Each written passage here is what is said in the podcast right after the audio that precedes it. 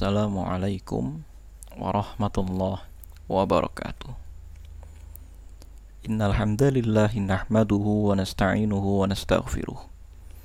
Wa na'udzu billahi min shururi anfusina wa min sayyiati a'malina. May yahdihillahu fala mudhillalah wa may yudlil fala hadiyalah Ashhadu an la ilaha illallah wahdahu la syarikalah وأشهد أن محمدا عبده ورسوله لا نبي بعده.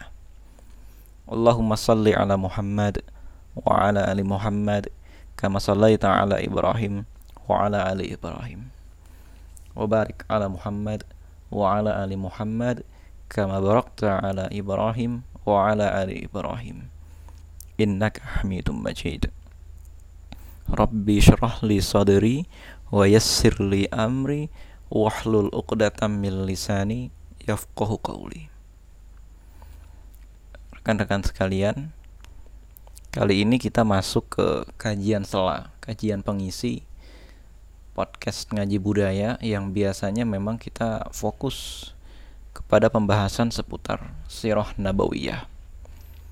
Akan tetapi pada kesempatan kali ini kita pertama-tama menyampaikan keprihatinan yang luar biasa akibat tindakan saudara-saudara kita sesama muslim akan tetapi mungkin mereka ini tersesat sehingga tega-teganya berani-beraninya melakukan aksi terorisme yang keji sekali, yang jahat sekali kepada juga saudara-saudara kita dari kalangan Nasrani yang sedang beribadah di gereja mereka.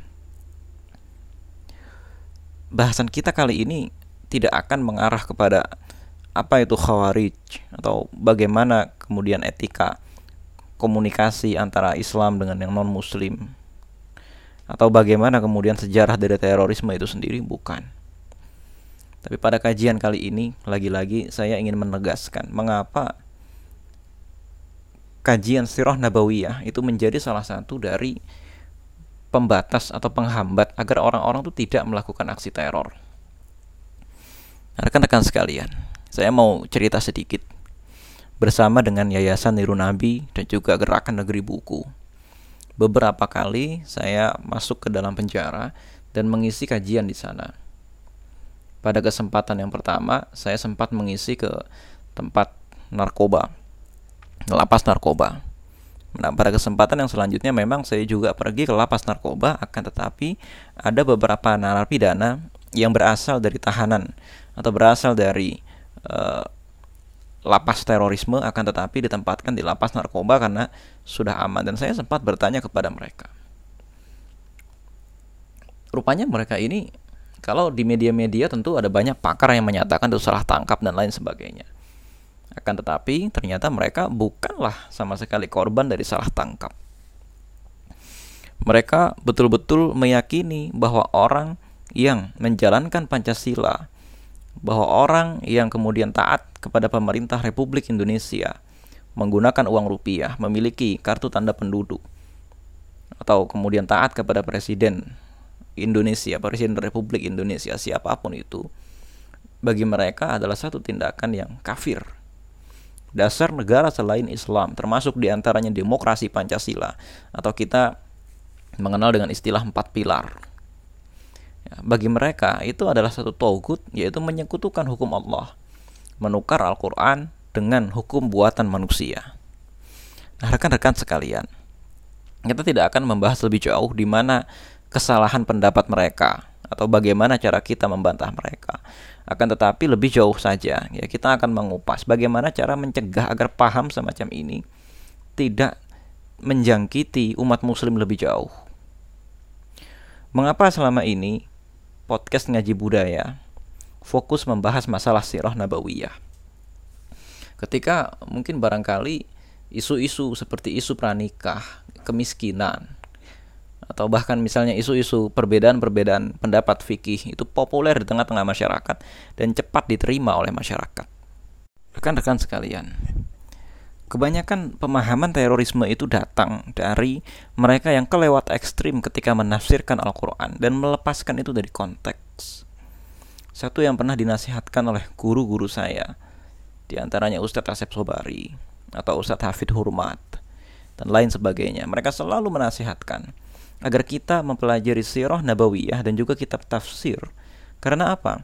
Jangan sampai ayat-ayat yang jatuh kepada orang-orang kafir kita letakkan kepada orang-orang mukmin atau jangan sampai kemudian ayat-ayat itu kita lepaskan dari asbabun nuzulnya, tafsirnya itu kita selewengkan dari tafsiran-tafsiran yang dilakukan oleh para ulama salaf atau para ulama yang masih mengikuti manhaj salafus soleh meskipun para ulama ini pada kenyataannya tidak termasuk generasi salafus soleh Ibnu Katsir kita tahu misalnya ini adalah ulama yang kira-kira berjarak sekitar 600 tahun dari Rasulullah Shallallahu Alaihi Wasallam sekitar 500 tahun jaraknya dari generasi salaf yang terakhir yaitu tabiut tabiin tapi beliau termasuk ulama rahimahullahu taala yang mengikuti manhaj salaf. Mengapa?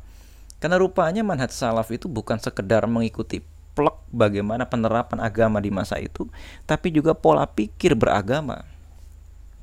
Nah, sirah nabawiyah, rekan-rekan sekalian, adalah satu tafsiran utuh, adalah satu tafsiran standar, model standar dari bagaimana cara menerapkan agama Islam dalam kehidupan bermasyarakat.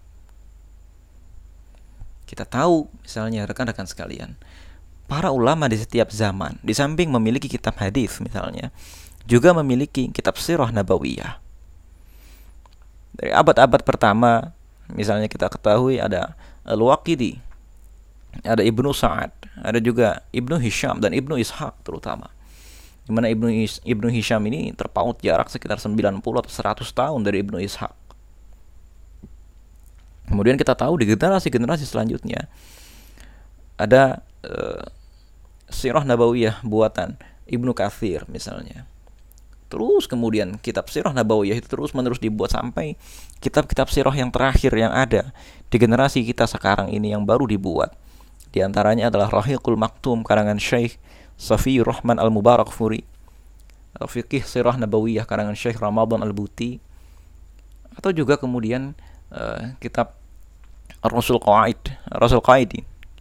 Ini buatan dari Mahmud Syed Khattab atau juga kemudian kita lihat ada banyak sekali kitab sirah yang lain. Manhaj Syaraki, Fikih Sirah. Keduanya adalah kitab buatan dari Syekh Muhammad Munir Qadban.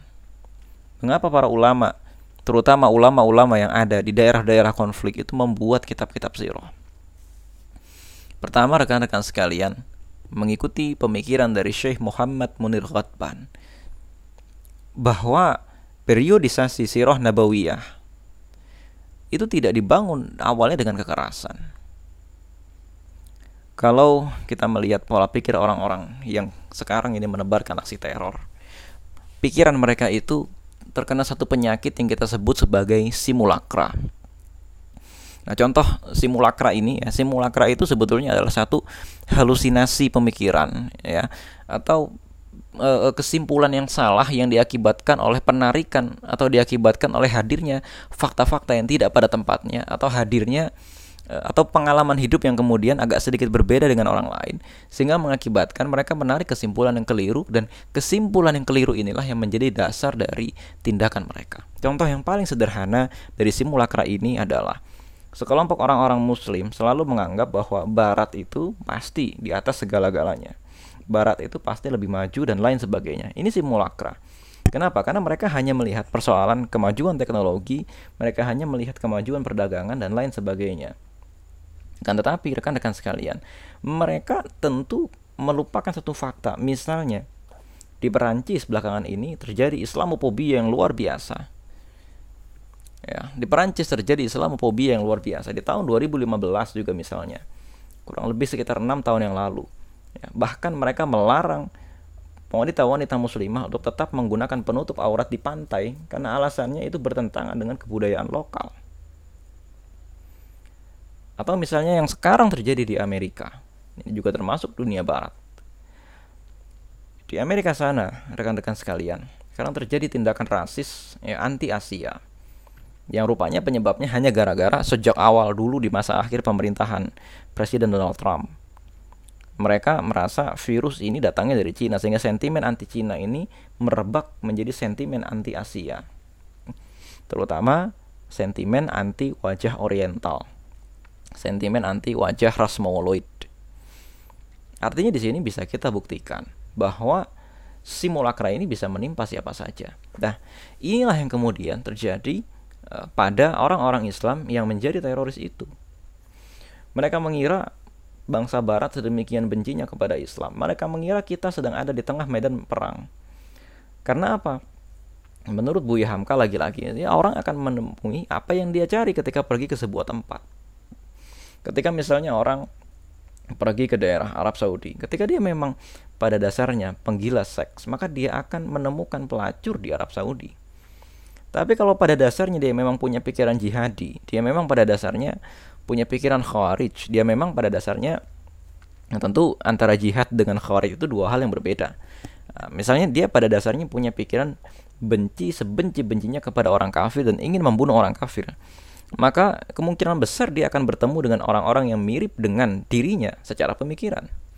Itulah yang kemudian dialami oleh sahabat-sahabat kita sesama muslim yang pergi ke Filipina ketemunya dengan pejuang-pejuang e, Moro misalnya. Pergi ke Thailand ketemunya dengan pejuang-pejuang Patani yang teroris. Dia pergi ke Cina ketemunya dengan pejuang-pejuang Uighur yang menjadi pengikut dari teroris. Dia pergi ke Afghanistan, dia pergi juga ke sana ketemu dengan orang-orang yang menjadi teroris. Artinya memang setiap orang akan mendapatkan apa yang dia cari. Nah, di titik itulah orang-orang ini terkena satu penyakit yang namanya simulakra tadi. Nah, teroris-teroris ini kemudian membawa pikiran halusinasi itu ke Indonesia. Mereka mengira Indonesia adalah darul harbi. Mereka mengira di Indonesia ini sudah terjadi medan perang yang luar biasa. Sebagaimana kalau atau barangkali ya mereka juga mempelajari kerukunan yang ada di Indonesia ini melalui media sosial. Sedangkan kita tahu di media sosial orang bisa menemukan apa saja. Kalau orang mencari sesuatu yang hubungannya dengan seks, maka dia akan menemukan seks dan dia akan berpikir semua orang Indonesia itu naluri seksnya tinggi.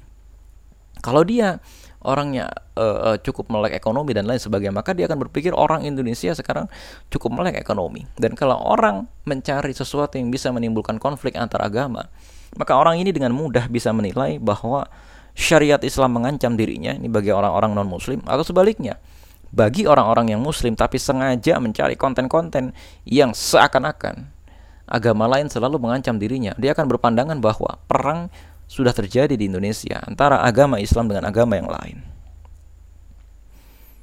Nah, inilah rekan-rekan sekalian ya. cuma kita kembali kepada pembahasan awal. Apa korelasi pencegahan terorisme dengan sirah nabawiyah di dalam pemaparan Syekh Muhammad Munir Qatban, kita diajari bahwa periodisasi sirah nabawiyah itu dimulai dari dakwah sir, dakwah siriyah. Di mana kalau kita lihat ayat-ayat yang turun selama periode awal dakwah Rasulullah Shallallahu Alaihi Wasallam itu tidak sama sekali. Bicara soal negara, tidak sama sekali. Bicara soal kewajiban perang, tidak sama sekali. Bicara uh, soal menyakiti atau soal kekerasan atau soal batas-batas negara dan lain-lain sebagainya. Ayat-ayat awal yang turun kepada Rasulullah Sallallahu Alaihi Wasallam justru adalah persoalan tauhid dan juga kemudian konsekuensi tauhid yang berupa ajaran moral. Perang juga adalah konsekuensi tauhid. Jihad pada gilirannya adalah konsekuensi tauhid. Sebagaimana kalau kita lihat pada surat At-Taubah, perang adalah juga merupakan konsekuensi dari tauhid dan bukan cuma pada surat At-Taubah. Dalam surat Al-Baqarah Minasyaitonirrajim. Yang ini dinyatakan sebagai ayat pertama yang memerintahkan untuk berperang. Kutiba alaikumul qitalu wa huwa kurhul lakum. Ya kan? Diwajibkan kepada kamu berperang, ya kan? Dan meskipun kamu tuh nggak suka dengan itu. Ya, wa afang takrahu syai'a wa huwa khairul lakum wa afa wa afang tuhibbu syai'a wa huwa syarrul lakum. Wallahu ya'lamu wa antum la ta'lamun. Jadi ayat ini ya rekan-rekan sekalian harus dipahami dalam konteks begini.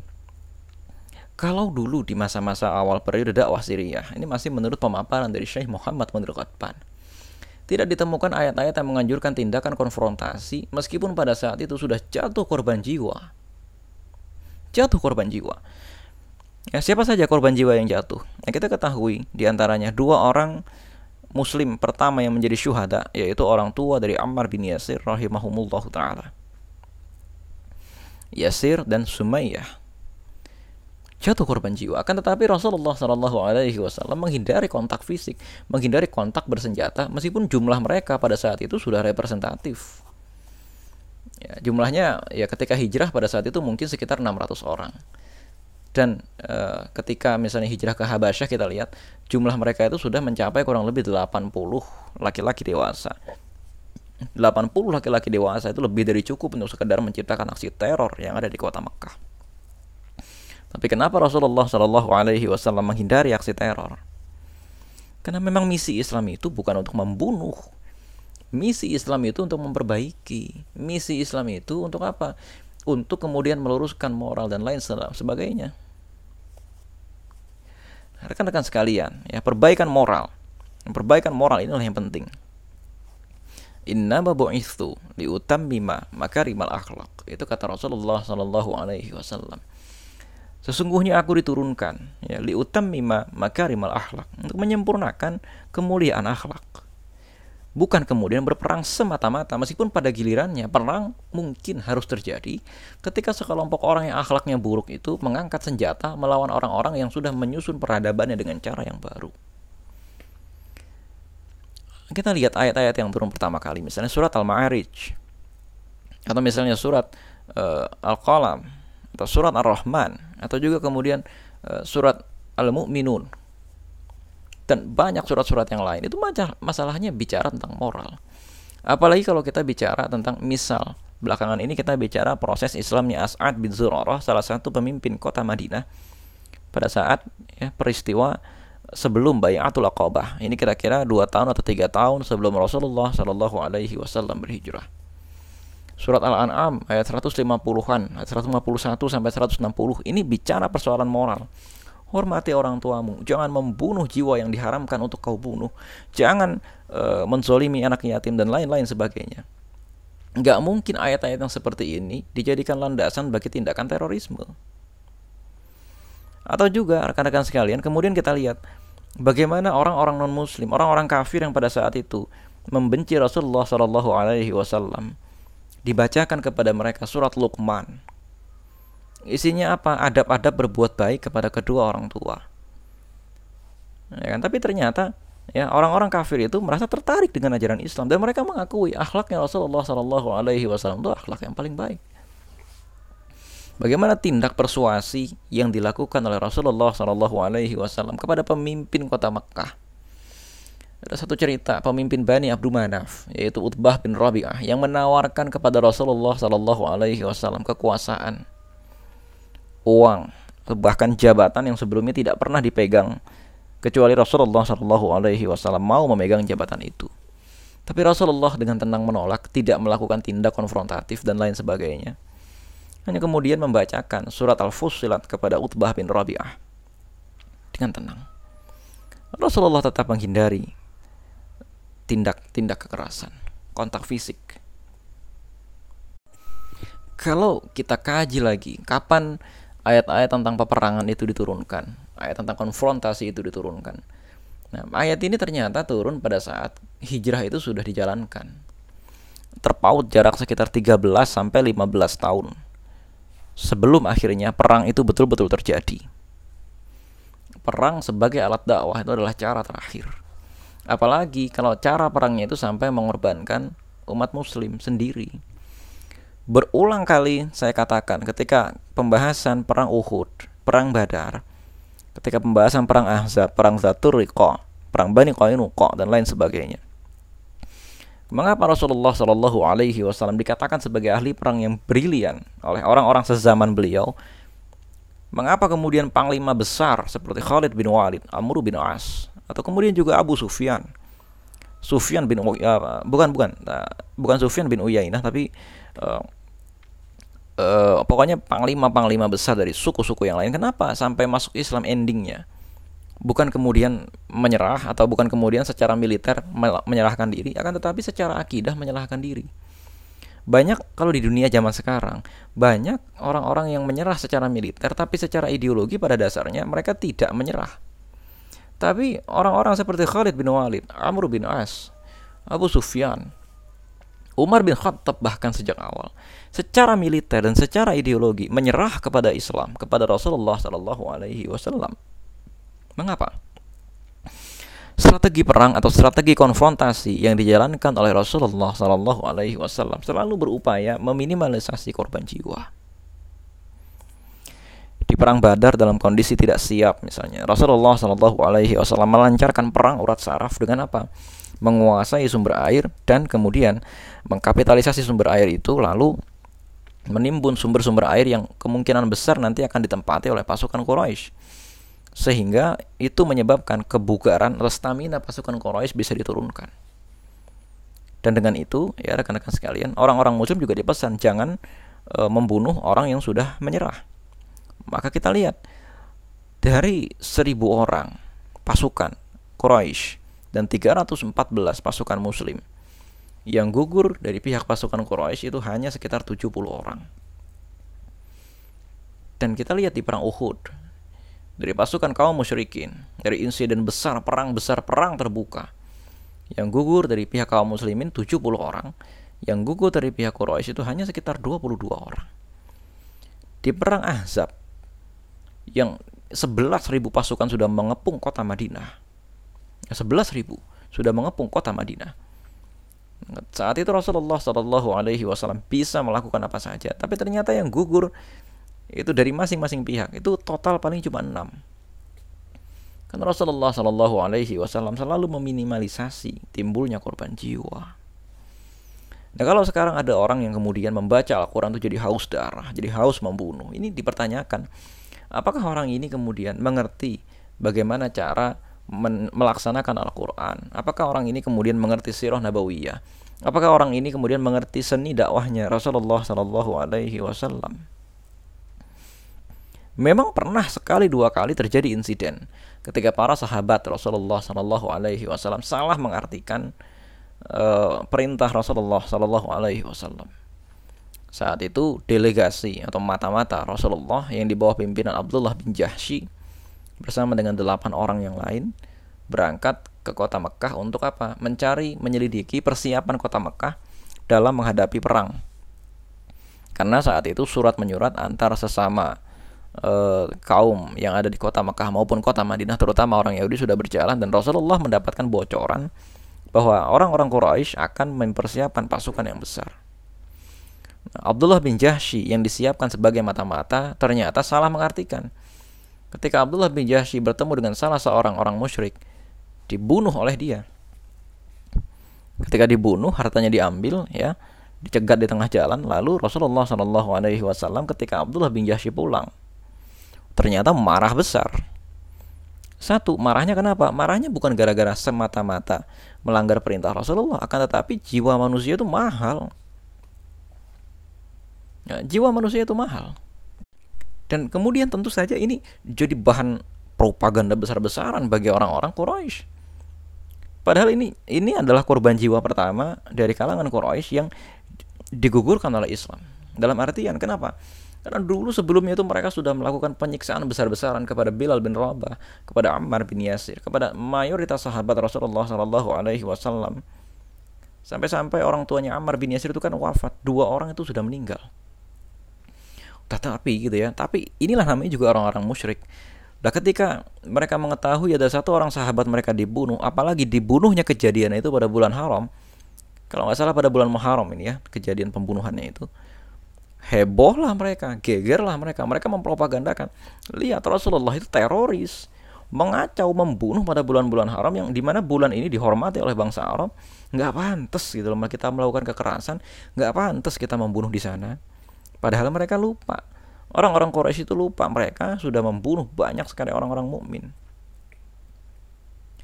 Allah Subhanahu wa taala kemudian menurunkan satu ayat dalam surat Al-Baqarah. A'udzubillahi minasyaitonirrajim. Yas'alunaka 'anil syahril harami qitalin fih. Yaqul qitalun fihi kabirun wa saddun an sabilillahi wa kufrun bih. Wal fitnatu asyaddu minal qatl. Nah, wal fitnatu akbaru minal qatl dan seterusnya dan seterusnya bahwa ya memang ya, membunuh jiwa manusia pada saat bulan haram itu adalah hal yang besar akan tetapi menghalang-halangi manusia dari Masjidil Haram, mengusir orang-orang dari Masjidil Haram, embargo politik sampai akhirnya sekitaran 600 atau ratusan orang di antara mereka terpaksa hijrah ke kota Madinah. Bukankah itu satu hal yang lebih mengerikan daripada itu semua? Ya kan? Nah, ini dibalas oleh Allah Subhanahu wa taala bahwa sesungguhnya kejahatan orang Quraisy itu lebih besar dan apa yang dilakukan oleh Abdullah bin Jasim memang didorong oleh dendam lama, didorong oleh tindakan yang terbawa oleh nafsu, kemarahan. Nah, memang itulah yang dicari oleh orang-orang Quraisy. Memang itulah yang dicari selantiasa oleh orang kafir. Maka kalau ada satu orang yang kemudian khilaf, masalahnya kekhilafan ini kan kemudian diikuti oleh para pengikut-pengikutnya. Khilaf kemudian membunuh dan lain sebagainya. Ini tidak bisa dibenarkan juga sebetulnya. Ini tidak bisa dibenarkan. Nah, kita kembali kepada pembahasan awal ya, masalah simulakra tadi kita bisa perbaiki dengan pembahasan sirah nabawiyah ini. Di awal ternyata Islam itu turun menjadi ajaran-ajaran moral. Ya, sebagaimana juga perkataan Ja'far bin Abu Thalib ketika ditanya oleh Raja Najasyi, kenapa sih kalian tuh diusir? Kenapa sih kalian itu sampai hijrah ke sini? Apa yang dibawa oleh Nabi kalian? Wahai Raja, kata Ja'far bin Abu Thalib, Dulu kami itu kaum yang makan bangkai. Kami itu kaum yang suka menumpahkan darah sesama kami, makan riba. Kami itu kaum yang suka mencela sesama tetangga, memakan harta orang lain secara tidak halal, memakan harta orang-orang miskin dan anak-anak yatim. Tapi ketika datang Islam kami sadar bahwa itu salah. Nah, Ja'far bin Abu Thalib di sini membawa kesadaran bahwa Islam itu ajaran moral. Islam itu adalah ajaran yang kemudian perangkat pertamanya adalah perbaikan moral.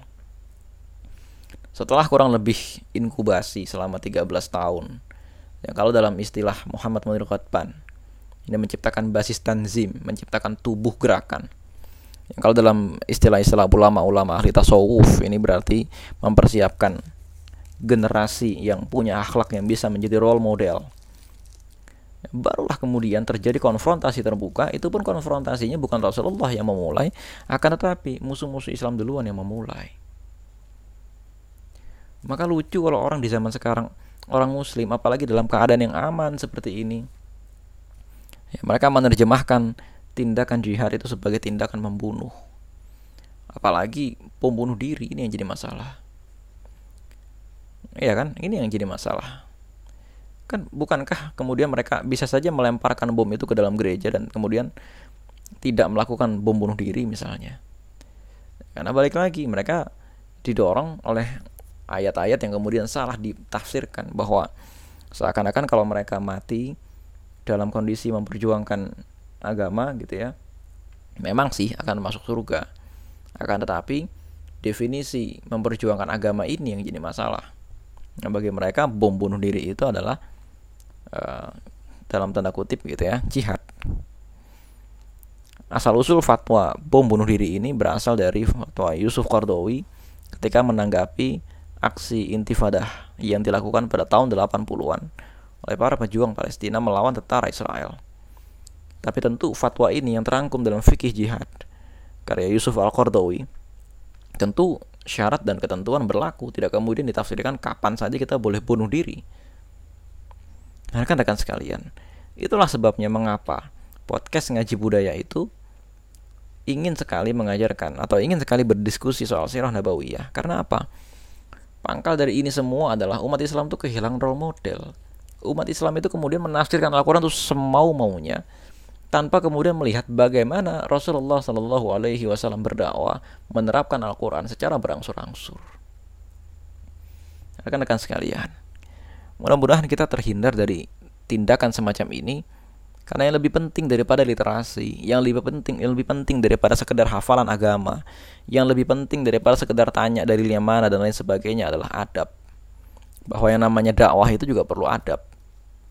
Kalau dakwah tidak menggunakan adab, maka kita akan mudah membunuh nyawa manusia. Apa yang sih yang dicari oleh Rasulullah Shallallahu Alaihi Wasallam? Misalnya ketika Umar bin Khattab radhiyallahu anh berhasil menawan Suhail bin Amr dalam perang Badar. Rasulullah Shallallahu Alaihi Wasallam melihat bahwa Umar bin Khattab itu mau mematahkan giginya Suhail bin Amr. Tapi Rasulullah mengatakan, jangan wahai Umar, Ya, jangan merusak wajah seseorang gitu ya. Engkau nggak akan tahu nanti kemudian dia akan jadi apa. Ucapan Rasulullah Shallallahu Alaihi Wasallam pada saat itu mungkin tidak dipahami oleh Umar bin Khattab. Tapi ternyata rekan-rekan sekalian, nanti ya kurang lebih sekitar 4 sampai 5 tahun setelah perang Badar, hanya 4 sampai 5 tahun. Suhail bin Amr masuk Islam dalam peristiwa uh, perjanjian Hudaybiyah dan bahkan pada saat perjanjian Hudaybiyah, Suhail bin Amr itu masih menjadi duta orang-orang Quraisy untuk melawan Rasulullah sehingga menciptakan pasal-pasal perjanjian yang merugikan Rasulullah. Tapi kemudian setahun atau dua tahun setelahnya, pada saat peristiwa Fatu Mekah, Suhail bin Amr pindah masuk Islam. Ketika Rasulullah Shallallahu Alaihi Wasallam itu meninggal setahun kemudian atau dua tahun kemudian, Suhail bin Amr ya menjadi orang yang mencegah orang-orang Mekah itu murtad. Karena pada saat itu semua orang murtad karena menyangka wah Rasulullah Rasulullah itu sudah wafat. Apain lagi kita masuk Islam? Suhail bin Amr itulah yang mencegah. Kita tuh beriman kepada Allah. Dan kalau kita beriman kepada Muhammad, Muhammad akan mati. Begitu. Seperti perkataan Abu Bakar Siddiq pada saat itu. Nah, target inilah, ya, dakwah semacam inilah yang kemudian harusnya kita contoh. Kalau kita membunuh orang, maka dia dalam kondisi dia terbunuh, kalau dia itu masih kafir, maka dia akan tetap masuk neraka. Tapi kalau kita menyampaikan kebenaran terlebih dahulu, ya kita sabar. Ketika Rasulullah Shallallahu Alaihi Wasallam berdakwah kepada Abu Sufyan, ya, satu orang itu saja itu butuh waktu sekitar kurang lebih 20 tahun baru Abu Sufyan itu mau masuk Islam.